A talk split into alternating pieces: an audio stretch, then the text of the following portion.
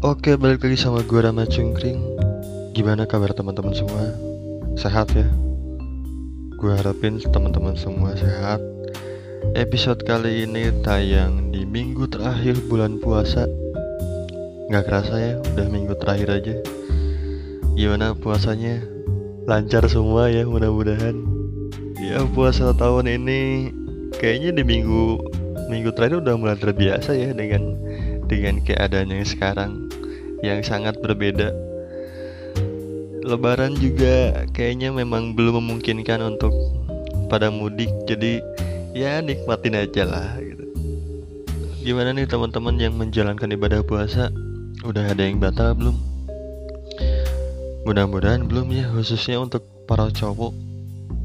Cowok kan beda ya sama cewek, nggak akan ada halangan tiap bulannya gitu kalau cewek kan seenggaknya nih seenggaknya tiap bulan landasan basah. Landasan basah jadi akhirnya nggak bisa puasa tuh.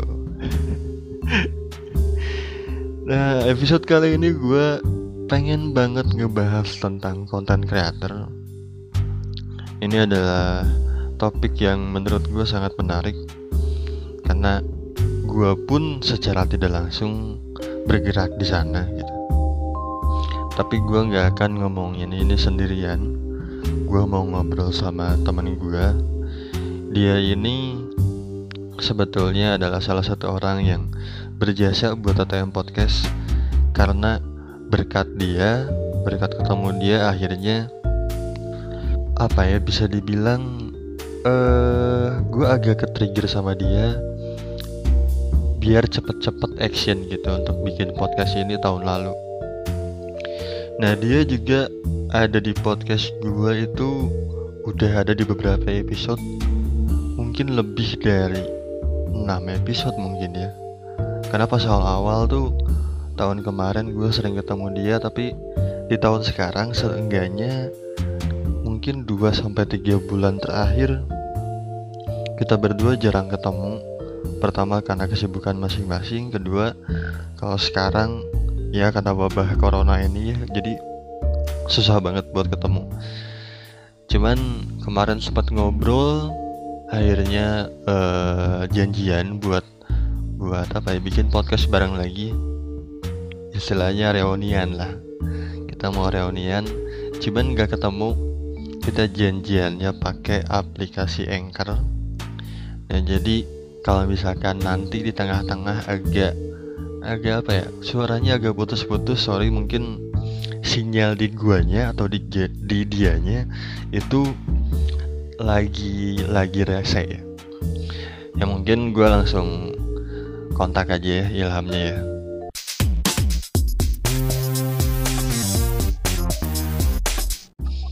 Halo. Halo Oke. Selamat datang. Akhir terjadi juga ya. anjing, anjing. Akhirnya terjadi juga loh ini loh. Waktu gua nggak banyak buruan. Balik lagi sama gua Rama Congring di sini ada Ilham. Nice. Host, host uh, berapa episode? Banyak ya? Damannya mah udah ngetek episode banyak anjing. Lobas ya teh. Aing ayo udah berapa kita ya nggak nggak di nggak duet kayak gini berdua gitu. Biasanya makan dulu mah tiap, duet. Tiap hari ketemu ya. ya uh, dulu sih kita nggak ketemu juga nggak duet sih. Cuman ya akhir-akhir ini udah nggak ketemu nggak duet juga. Ya lumayan lah. Menyibukkan diri masing-masing kan nggak ada salahnya juga. Iya. Menyegarkan napas pikiran. Ya mungkin publik udah bosen kali kita berdua mulu. Kayak yang tahu aja orang-orang kita kayak, kayak gimana? Lah dari dulu kan suka ditanyain si Ilham ke mana si Ilham ke mana. Jaga jarak atuh psbb sih ya teh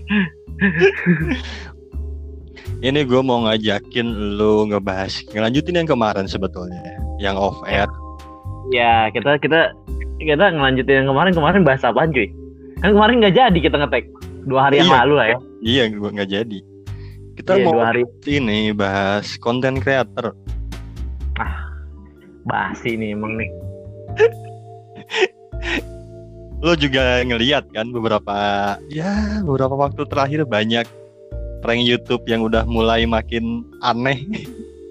Halo? Yuk, yuk. Konek konek. Ya ya.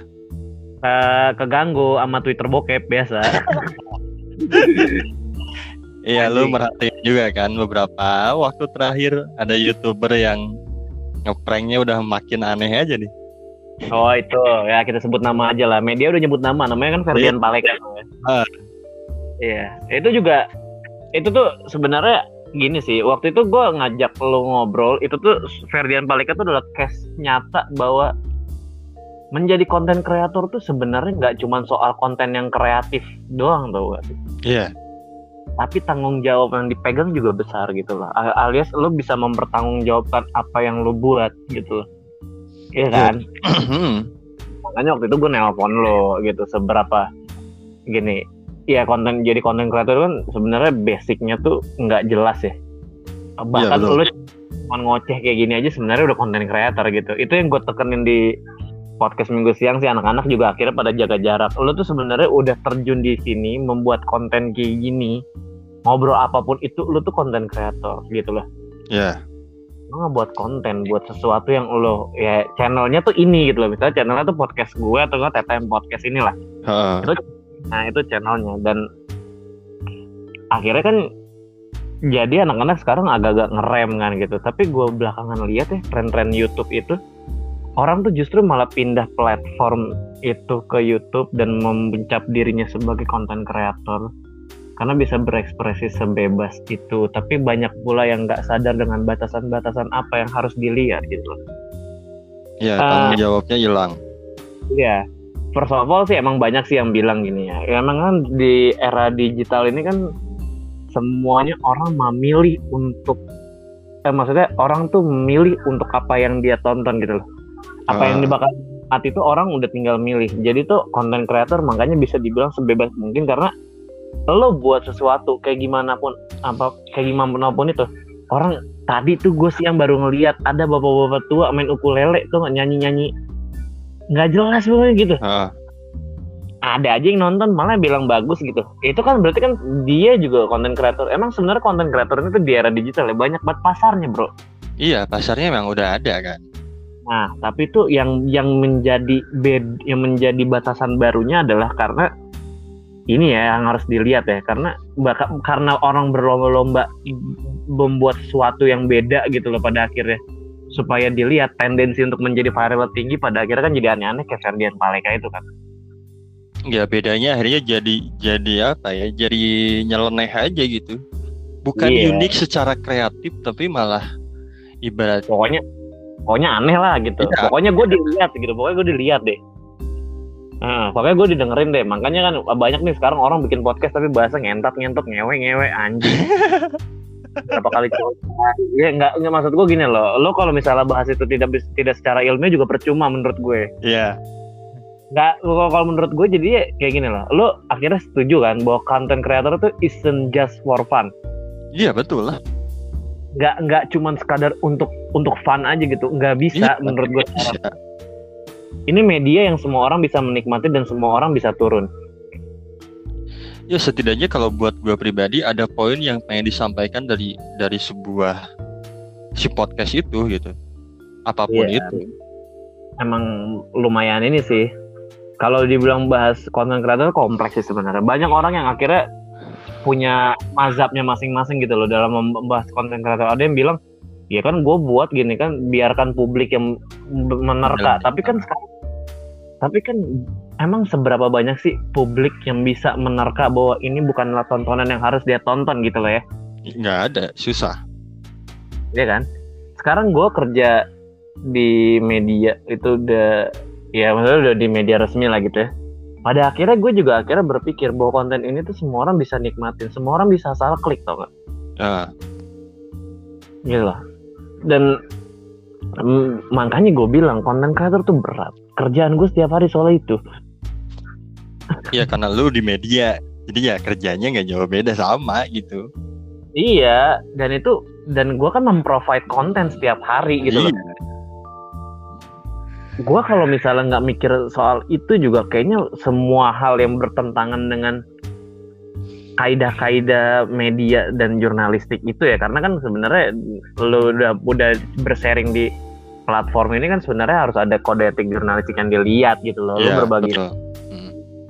gitu lu kan menikmati masya lu kan membuat sesuatu untuk untuk masyarakat bisa menikmati gitu loh Tapi apa apa gue pengen nanya deh. Eh menurut lu ada hubungannya nggak? Orang-orang yang yang gue lihat makin ke sini tuh makin bikin kontennya aneh biar biar dikenal eh biar subscribernya cepet naik atau apa pun itu bentuknya. Ada hubungannya nggak dengan keadaan wabah ini? Oh itu pengaitannya seben- sebenarnya gini ya antara kondisional sama uh, ini ya apa kepentingan pribadi ya itu kan lain. Kalau Hmm. membahas kepentingan pribadi kan yang tadi lo sebutkan di awal ada nggak sih orang yang akhirnya tendensinya menjadi viral gitu ya? Ya, Itu ada, itu ada banget karena media ini bebas banget dan akhirnya semua orang berlomba-lomba mencari namanya gitu loh. Ini, Iya. nih, gue kayaknya kita udah pernah bahas deh di TTM tuh, gue lupa episode berapa. Ibaratkan ini sekarang dunia internet ini adalah kita tuh lagi ada di aula yang besar banget gitu loh, besar banget. Ini semua orang bisa teriak satu sama lain gitu loh, dan lu punya ruangan, lu punya kesempatan buat itu.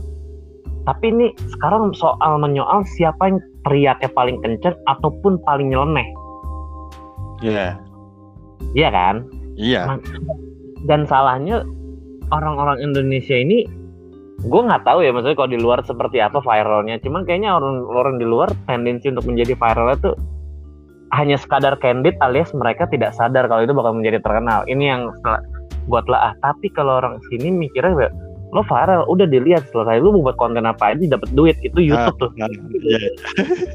itu udah fix banget kayak gitu tuh. Gue bisa ber- ber- berkata-kata pasti karena case-nya pun banyak. Tadi tuh baru ada orang bikin prank nakutin petugas covid. Dia kejang-kejang coba. Cewek dua. Oh. Aduh, masih jadi kan aja ya, masih aja ya ada yang mainin kayak gitu ya. nah sekarang kan jadi case-nya jelas dong kalau di sini di gua gua ngomongin soal kita aja ya maksudnya gua nggak bisa pukul rata tapi memang ada kenyataannya yang seperti itu tendensi orang sini tuh untuk melihat untuk dilihat tuh gede karena satu apa YouTube itu kelihatan uangnya sekarang Ya. Walaupun Dan katanya sekarang- udah menurun juga katanya. Iya itu terserah, tapi kan buat orang-orang yang yang pendapatannya cuma 5 juta, 4 juta per bulan, dapat AdSense sekitar itu kan kebantu cuy buat bayar cicilan. Iya. AdSense lu nggak mati loh, AdSense lu bakal hidup terus selama video lu masih dilihat itu loh. Nah, Nah, Jadi kalau di sini tuh tendensi untuk orang terkenal iya karena mereka tidak mendapat ruang publik juga yang bebas gitu. loh. Gitu. Kalau misalnya kalau di kalau misalnya ada ada kayak suatu kayak misalnya ada performance art center ataupun ruang misalnya di ini ada satu plotting nih di mana satu tempat musik ini atau balai kota gitu bisa mengekspresikan diri lo gitu itu gue yakin orang-orang yang tendensi untuk menjadi viral itu sebenarnya agak berkurang sih nah kalau misalnya dikaitin dengan apa ya karena covid ini enggak juga nggak juga, nggak bisa Nggak. juga. Nggak bisa juga orang tuh nggak bisa mengaitkan ya kondisi sekarang itu semuanya kena rata Iya yang jadi youtuber udah lama juga kan pendapatannya menurun karena satu iklan juga udah nggak masuk gitu kan ya Nah, Iya, ads kan udah ya pro- produk paling yang masuk paling telco ya, macam-macam telekomunikasi lah ya. Iya sisanya kan udah nggak kepake gitu loh. Endorse endorse aja kadang-kadang berhenti menjadi shifting ke home industry gitu loh. Kalau misalnya dikaitkan dengan tendensi viral ini supaya di tengah covid ini nggak juga, tapi ada dibilang iya ya, ya mungkin orang-orang yang kayak Ferdian Paleka itu aja sih. Keadaan yang kayak ter- lebih terkenal aja ya karena beberapa waktu dulu kan ada juga yang kayak gitu berusaha untuk eh, viral. Setelah itu kualifikasi, minta maaf, udah aman tuh dia, aman-aman aja. Nah, itu kondisional nggak cuma di COVID. Jadi tuh kita nggak bisa ngaitin kondisi sekarang sih sebenarnya. ini pun bakal ada terus. Gue yakin tuh tren yang seperti ini tuh gampang. Karena orang berpikir klarifikasi minta maaf tuh gampang. Tinggal bikin video nangis-nangisan selesai. Atau bikin video eh, sorry saya minta maaf ya ditulis saya tuh. Saya minta maaf dengan perbuatan yang kemarin gitu kan. Banyak juga kan sampai ada jadi ada orang yang kayak ada kemarin tuh band Fish ya juga kan sempat itu padahal interviewnya udah lama banget tuh dia bikin bilang lagu gue lebih metal dari lebih metal dari mana pun lah. Pokoknya intinya seperti itu. Uh-huh. geramnya gini gini gini. Terus dia terus dia si vokalisnya si Baskara ini tuh dia bikin interview lagi sama Gopher. Dan dia tuh ngomong buat anak sekarang tuh udah nggak ada yang dengerin musik rock lagi kali gitu. Nah eh, terus tiba-tiba itu diangkat dari publik kan? Uh-huh. nah, berbarengan dia dengan dia mau bandnya dia itu mau ngeluarin single yang bernuansa rock lagi. Gitu kan? Itu diangkat sama publik dan akhirnya sem ah, banyak yang kesentuh tuh. Ya akhirnya hmm, dia bintang bikin dia tinggal bikin video klarifikasi minta maaf kelar gitu. Segampang itu kan sekarang gitu untuk menjadi untuk menjadi dilihat di digital tuh fenomenanya segampang itu sih menurut gue. Berarti emang udah terjadi lama ya? Udah lama banget yang kayak gitu. Dulu kan Aukaran juga gitu kan terkenalnya cuma gara-gara nangisin diputusin pacarnya apa gimana? Gue gue lupa tuh. Ngumbar aib. Yang dia nangis nangis. Iya ngumbar aib yang dia nangis nangis sama Sarah itu tuh itu gue lupa. Ya maksudnya kan tinggal bikin video seperti itu. Orang teknis untuk menjadi dilihatnya sekarang jauh lebih gampang. Nah sekarang sekarang juga kan banyak ya orang-orang yang terkesan jadi kelihatan mengumbar aib orang gitu, bahkan mengumbar aib sendiri gitu. Terus dia Oh itu hmm, dia terus mantang aja dia di atas. Ini yang kita bahas kemarin juga sih ya. Uh -huh. Nah, kalau gue di gue gue sebenarnya masih sekarang gue akhirnya tahu dan akhirnya respect dengan orang yang bisa menghibur orang tanpa menjatuhkan orang lain tuh ini spesies langka loh sekarang. Karena sekarang kayak acara komedi ataupun lawak aja kalau nggak ember mulutnya orang nggak bakal lihat. Ya yeah. saya nggak loh oh, iya. Ya itu tadi sih karena emang pasarnya udah udah terbentuk. Nah itu. Udah ya. dari lama kebentuknya gitu. Iya soalnya ya memang emang ternyata emang orang kita kan juga secara habit habit naturalnya juga emang doyan go ngobrol sama gosip ya. iya susah, susah, susah, susah banget kalau mau diubah kayak gimana pun juga. Ya cara-cara terbaiknya ya gitu. Cuman kalau mau dibikin aturan, lu nggak boleh gini, lu nggak boleh gitu juga serba salah ya. Susah. Menurut gue, karena ya jadi menjadi orang nggak nggak bakal ntar ada aja nih alasannya pasti kayak kita kreativitas kita dibatas-batasin. Padahal makhluk hidup itu naluri buasnya tuh kuat loh ya. Kuat Gak cuma binatang manusia pun iya gitu loh. Soalnya kan maksudnya batasannya harus dibikin sendiri pada akhirnya gitu. Nah itu, nah itu yang tidak pernah ditanamkan sama kita sejak dulu. ya cukup sedih lah ngelihat konten-konten sekarang kayak gini. iya. Gua gua gue sih kayak kalau dibilang kayak misalnya uh, ini adalah suatu kemunduran di era digital ya ya nggak bisa dibilang mundur juga. Kita hanya bertransisi aja sih. Hmm. apa kalau gue lihat juga agak agak ke depannya mungkin banyak yang agak lebih kreatif. Mungkin karena kita sekarang filternya kurang orang pun juga belum banyak yang bisa memfilter buat dirinya sendiri gitu loh. Jadi susah. Tapi ke depannya sih gue rasa sih gue sih kalau ngeliat adik gue kayak ngeliat adik gue nonton YouTube jadi kayak, udah nggak nonton yang viral-viral gitu sih enggak dia emang nonton sesuai kebutuhannya dia kesukaannya dia aja. Ya berarti kan zaman ini sebentar lagi sebenarnya gue udah agak bergeser. Kalau sekarang nih baru bergeser platformnya aja nih Ram. Ya dari dari ke A ke B gitu ya yang dari TV TV gosip itu menjadi YouTube, YouTube gosip uh, gitu kan Nah, ntar lama-lama yang kayak gitu bergeser sih. Nah, sekarang tenang itu sekarang udah mau geser nih dari YouTube ada yang pindah ke podcast. Uh, uh, kalau ya itu kan sebenarnya dua ini gini kita, kita bilang YouTube dan podcast ini ya anggaplah ini dunia digital ya. Ah, Shifting dari analog ke dunia digitalnya. Itu baru platformnya aja nih yang pindah. Lama-lama kontennya juga shifting menjadi lebih menurut gua agak lebih terfilter karena orang akhirnya sadar. iya. Iya, malu sendiri loh. Iya gue kalau misalkan ngomongin kreatif inget omongan Panji sih. Indonesia tuh kreatifnya luar biasa, cuman belum terarah aja gitu ke mana yang bener-bener bisa menjadi unggulannya gitu. Karena kalau karena di sini tuh gini loh, sesuatu yang kreatif juga belum tentu menjanjikan. Iya, Ah, ah. Orang tinggal ngeli, orang tuh gini loh. Di sini emang sih gue lo gue lihat ya kayak kita tuh emang udah dari lama pasar kita tuh disetir. iya, iya. Nah ini tuh belum hilang. Orang masih bergantung pada kelompok-kelompok besar untuk melihat tren. Hmm. Ya dia mau bikin konten, bikin konten apa nih yang rame? Oh ini rame nih, ya udah bikin sama. Nah, nah bahasannya tuh jadi kayak gitu. Kalau ya kita nggak usah ngebandingin dunia luar ya, misalnya ada apa gimana. Cuman kalau akan kan lebih baik kita kreatif sendiri tuh lebih bagus. Tapi lu harus siap bunuh diri juga gitu loh. Ya, Lu harus lu- untuk siap menjadi kalau lu beda itu serangan rintangannya bakal lebih susah. seenggaknya ya ketika orang lain gak tertarik ya lu nggak akan laku gitu ya.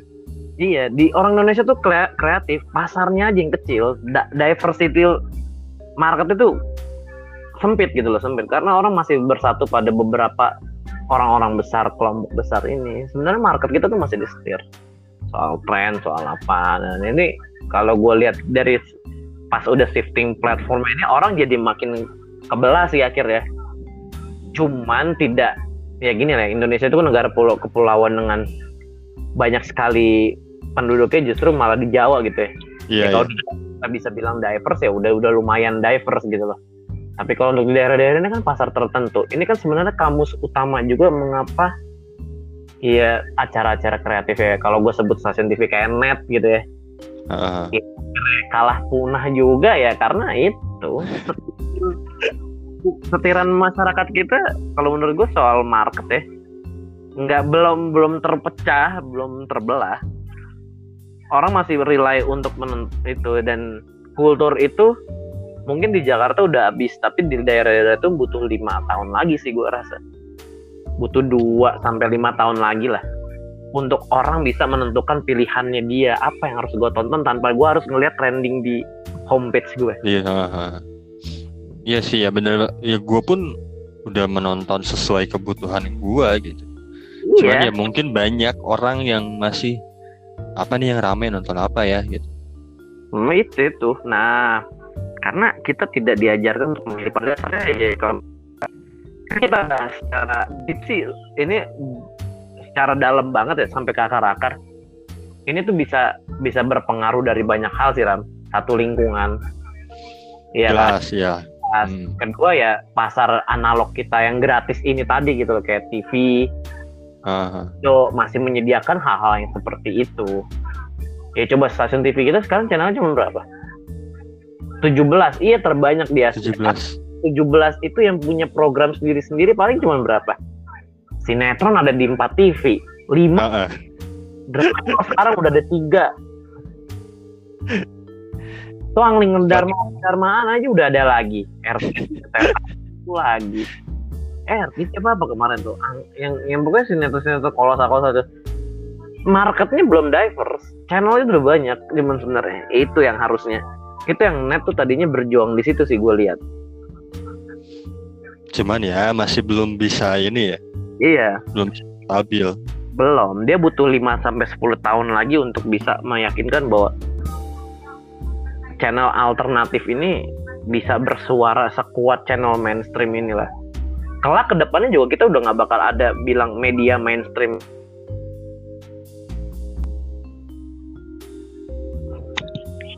Udah tinggal ya ini rock, ini jazz, ini pop, ya udah kayak gitu deh. Ya, Dan itu punya pasar yang sama kuatnya masing-masing. Nah di Indonesia tuh tinggal tinggal nunggu tahunnya aja. Karena kalau gue lihat juga secara sekarang dia kalau di mostly kota-kota gede orang udah bisa udah pada bisa menentukan hiburannya sendiri. Nah, beratnya menjadi konten kreator adalah kalau balik lagi ke masalah konten kreator ya. Ah, Konten kreator di Indonesia sebenarnya kreatif. Gue setuju tuh sama katanya kata kata Panji. Cuman kalau buat gue mereka kurang satu pendidikan lagi. Market jadi kreatif aja nggak belum cukup.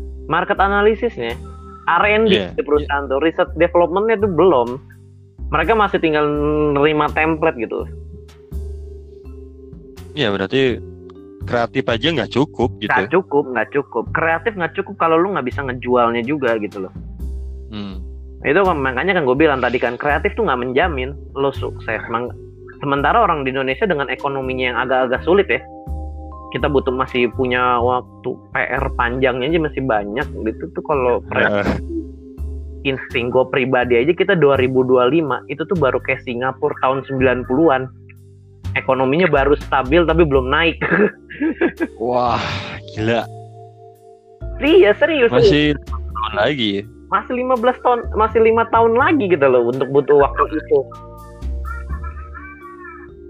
dan itu juga baru prediksi tercepat ya. Maksudnya kan pembangunan udah mulai jalan nih semuanya meskipun lagi ada pandemi ini kan. Proyek juga tetap ada yang jalan tuh ram. Tapi nah Tetap jalan masih. tetap tetap jalan tetap jalan. Bokap kerja kan? Bokap kerja di rumah, tapi proyek lapangan kayaknya jalan dah. jalan pasti jalan. Kalau proyek-proyeknya gede mah jalan. Kalau yang cuma perumahan-perumahan sih nggak jalan. Ah, itu kalau ngomongin konten kreator itu doang sih tinggal kita tinggal nunggu tinggal nunggu tahun sebenarnya tinggal lu tahu deh. Ya gitu ngobrol-ngobrol konten kreator bakal panjang banget. Cuman gue pengen terakhir deh dari lu pendapat buat para konten kreator atau saran siapa pun itu. ini pertanyaan basi gue juga karena gua, karena gue tidak mengakui diri gue juga konten kreator sih meskipun Iya nggak apa-apa, gue juga sama. Iya kalau menurut gue gini ya tadi prediksi-prediksi yang gue bilang juga kita tinggal nunggu tahun ya buat buat kita menyadari bahwa konten kreator tuh berat loh tugasnya ya. Tidak sekadar menjadi viral dan terkenal gitu always trending tuh nggak nggak selalu menjadi ya. pa- pa- pakem buat lo berkarya sih enggak gue kadang-kadang setuju dengan apa yang orang bilang tuh buat aja dulu buat aja dulu. Iya bener buat aja dulu. Kita juga nggak bakal Hmm. nyangka kan pasar podcast ini bakal kesentuh. Gue menjalani ini dari 2018 sempat beberapa kali mengulang format podcast gue sendiri. Terus gue bikin tim terus gue sama elu gitu kan ya. Sampai sekarang besar besar banget gitu loh. Maksudnya secara pasarnya besar meskipun. Ya gue turut bangga karena gue tetap gue ada di first wave itu. Dan Iyalah. TTM podcast juga kan mulai geraknya gara-gara ketemu lu. Iya maksudnya gue ada di gelombang pertama itu dan ya gue apa ya kalau saran gue gue nggak ada saran sih sebenarnya gue malah lebih menarik untuk ngobrolin kayak kayak mungkin konten konten kreator harus eh, apa ya kalau gue kalau ngomongin saran udah nggak ada karena sebenarnya sarannya tinggal nunggu waktu Tinggal nunggu waktu ya. lo Soalnya iya lo pasar udah bener kebentuk. Nah iya pasar pasar kita tuh masih masih sentral banget. Jadi tinggal tinggal benahin inilah. Kalau menurut gue harusnya dibenahi dari dasar sih. Kayak kita dari dari sekolah dari awal aja udah dituntut kreatif. Harusnya Ah. gitu. Makanya makanya gini sih. Tapi kalau kalau mau dilihat juga kan kadang-kadang ada ya beberapa orang yang mungkin orang lama ya. Kalau gue ngeliatnya kayak mereka takut anaknya dari kecil diajarin berkreasi seni gitu takutnya menjadi liar dan rebel gitu loh. Ah, Padahal kalau misalnya emang bisa disetir ataupun bisa diarahin, lo nggak gambar buat ini, lo bikin bersuara buat ini, lo bikin video buat ini, itu sebenarnya malah membantu pergerakan mendivers pasar ini. seharusnya ya. Iya, kayak kayak gini loh. Orang bisa bahas cinta karena pasarnya lagi cinta. Ah, Coba kalau misalnya dari kita kita ya dari dari angkatan kita aja dari kecil tuh kita udah diajarin ya. Oh cinta tuh seperti ini. Jadi dia menggambarkan seperti ini. Musik tuh seperti ini. eh horor tuh seperti ini gitu. Dan oh, kita tuh udah punya keyakinan untuk milih. kayaknya gue lebih menarik di musik ataupun di horor gitu dari kecil itu tuh diversnya harusnya berasa sekarang cuman kan kita nggak dibentuk seperti itu dulu Iya. Iya. Seni itu tuh tradisional seni itu tuh batik. Dulu kan kayak gitu. Ya gue jadi jadi keinget waktu zaman dulu kita ibaratnya ja, pintar di seni malah malah dimarahin kan diomelin gitu ngapain? Mau kerja apa? gitu kan. Jadi gembel gak usah gitu. gak usah fokus ke sana fokus aja ke akademik gitu.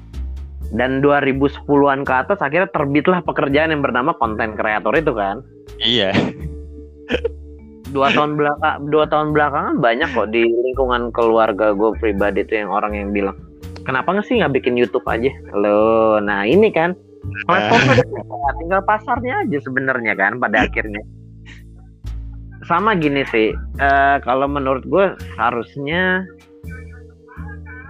gue gua agak nggak ini ya maksudnya tadinya sih gue pengennya YouTube itu kembali seperti dulu yang zaman gue SMP nonton YouTube gitu loh. Ada gue Hmm. kenal Annoying Orange gue kenal gue kenal Smosh jadi di luar-luar gitu pokoknya orang-orang Amerika luar itu lah. Dia buat YouTube sekreatif itu tapi tidak mendapat iklan. Iklannya adalah endorse endorsean yang kayak selebgram itu juga jadinya. Iya. harusnya sih seperti itu ya karena akhirnya ya cuman kan tadi ya YouTube itu kan diduitin karena kan menarik platformnya pindah Heeh. Mm-mm. Dulu sebenarnya ada platform namanya Vimeo, cuman kan Vimeo itu diblokir karena lu ada kontennya itu yang masih gue pikir sebagai konspirasi sih antara pemerintah sini dengan Google. cuman ya ya ngomongin konspirasi ntar gue kayak Jerings jangan. Ah, iyalah bosan gue ngomongin konspirasi eh, tai, tai, tai ya orang corona dibilang konspirasi, tai banget, iya anjir tai banget. masih ada loh yang gak percaya tentang konspirasi isi corona ini ada Iya lo, lo udah biarin aja lah. Udah, bi- biarin aja. Gue udah gue udah enak sih bahasa cuman. cuma cuman ya gitu ya paling paling kalau gue sih bukan saran ya tapi gue lebih kayak andaikan kita sudah dibentuk kayak gitu melek pasar dari kecil gitu loh keterampilan ini dari kecil gitu loh akhirnya kan kita tidak berpatok pada satu tren yang sama ya berarti tanggung jawab kita kurang lebihnya gimana caranya orang-orang baru ini menujunya ke arah sana gitu ya? Iya tantangannya adalah memecah belah si pasar akhirnya. Iya. Iya itu tantangan konten kreator harusnya. Bukan berlomba-lomba menjadi satu juta subscriber dalam waktu seminggu gitu loh. Enggak juga. Vincent Desa 100 ribu subscriber cuma dalam waktu 3 jam loh. Pas episode pertamanya itu juga dia masih trial loh live YouTube ya sekarang ya sekarang ya? Iya. Itu tandanya sebenarnya gini loh. Lo kalau bisa lo emang udah bisa membentuk image lo dari awal. Dulu dia emang sudah itu. Cuman kan orang-orang yang kayak mereka itu kan nggak nggak nggak semuanya orang bisa menjaga brandnya kayak mereka gitu loh. Ah, itu yang harusnya dilatih dari kecil sih. Untuk untuk generasi ke depan sih harusnya harusnya kayak gitu harusnya anak-anak SD tuh dikenalin tuh yang namanya radio terus produksinya kayak gimana podcast tuh siarannya kayak gimana bikin YouTube video kayak gimana YouTube kayak gimana simple editing kayak gimana. Kita udah nggak butuh bela- belajar belajar konvensional gitu kalau menurut gue tuh. Iya belajar. MT matematik tuh perlu. Gue akhirnya nyesel tuh nggak bisa matematik. Fisika lu perlu biologi lu perlu. Enggak tapi kalau untuk keseniannya udah nggak masalah gini ya gue bukan gue bukan ya gitu ya. gue bukan yang nggak cinta dengan seni tradisional tapi biarkan anak itu memilih. Ah, harusnya sistem Indonesia tuh udah udah nggak kayak lu tuh dari dari satu kelas 1 sampai kelas 6 belajar MTK terus enggak. Kalau tuh anak nggak suka MTK biarin aja gitu loh. Ah. biarkan dia memilih hal yang lain sementara guru itu sekolah itu sebagai penyedia fasilitas pencetak konten kreator yang lebih fresh untuk ke depannya gitu loh. Ya, iya. Orang bikin konten kreator kan karena melek trennya aja coba. Enak nih Iya, bikin video bikin Ah. video HP ngasih ikutan. sampah. Masih masih ikut ikutan. Ngasih sampah ke Jablay terkenal. Aji atau nangis-nangis diputusin pacarnya. Atau bikin tutorial make up umur 9 tahun akan tapi yang penting gue terkenal besok gue jadi artis mindset kayak gitu harusnya tidak dibentuk dari kecil sih Karena kita kan selalu dibentuk untuk menjadi kaya bukan menjadi stabil ya. Gitu. Iya, iya. Iya. Iya, itu bagus tuh. anjing. Dibentuk kayak bukan jadi stabil. eh. Iya, kita kan dari kecil kan dibentuk untuk menjadi orang sukses kan. Akhirnya idola-idola kita tuh kalau nggak Bill Gates, ya misalnya orang miliarder, kita tuh lebih apa? 10 miliarder di dunia dibandingkan 10 orang yang berpengaruh terhadap karyanya di dunia. Iya, Iya, jarang siapa banget yang kayak gitu. siapa yang orang nggak kenal Jack Ma coba? Pendiri Alibaba. Padahal ya dia kan nggak cuman dia doang. Mm. Iya. Kita terlalu banyak dijejelin motivasi dan kisah inspiratif pula itu loh. Itu yang bikin konten kreator tuh sebenarnya tersumbat gitu kreatifnya. gila, gila. Lu kalau nggak buat yang nangis-nangis mah nggak ada duitnya bro. Anjing. Anjing. Nggak ada kata-kata ngentot mah nggak akan ramai katanya. Iya, lu kalau nggak nggak ada kata-kata ngentot gobloknya lu nggak tongkrongan banget. Sebenarnya kan itu ada. Akhirnya dalam pendalaman konten kreator kan lu bisa ngebelah lagi tuh. Iya. Harusnya dibaca dulu dari awal. Rules, do, and dance seperti apa. Tapi kalau gue ngeliatin di Amerika juga orang orang dari kecil udah ngerti gitu loh. Gue tuh nggak boleh ngomong ini di media. Gue nggak boleh ngomong ini gitu. Sebabnya apa ya? Karena ya buat bertujuan, bertujuan untuk mendidik. Kita tuh malah menganggap itu sebagai aturan. Bukan berpikir terhadap perkembangannya. Pada akhirnya orang keluar dari sana menuju media yang bebas mengaplikasikan kata-kata liarnya itu gitu. Iya. Iya sih. Ya mudah-mudahan ke depannya gua jauh lebih baik lah. Iya, gue ngomong kayak gini semoga sih gue juga bisa mengaplikasikannya juga ya. Soalnya karena gue juga Gue juga sama. gue juga jujur aja kalau di podcast minggu saya lagi transisi banget orang tuh kita tuh bercanda mungkin dark gitu ya. Tapi jangan sebisa mungkin tuh kata anjing, babi gitu ngentot lah, apa lah. Jangan, sampai keluar, Ah. jangan sampai keluar gitu loh, jangan sampai. Itu salah satu movement yang kita lakukan bertiga sih pada akhirnya. Kita boleh nih bercandanya nyerempet gitu loh kayak nyerempet ke sana, tapi jangan sampai kasar. Kalau kata Gofar mah bermain di abu-abu. Iya, bermain di abu itu salah satu rules yang paling bener sih sampai sekarang. Ah. itu itu dan itu tidak bisa orang semua orang lakukan loh kalau lu mau tahu banyak Iya sih bisa. banyak banyak banyak banyak banget yuk youtuber youtuber ya banyak lah youtuber artis gitu juga yang berusaha dari situ pada akhirnya keluar keluar juga kata-katanya Nggak bisa sepenuhnya belum bisa. belum belum belum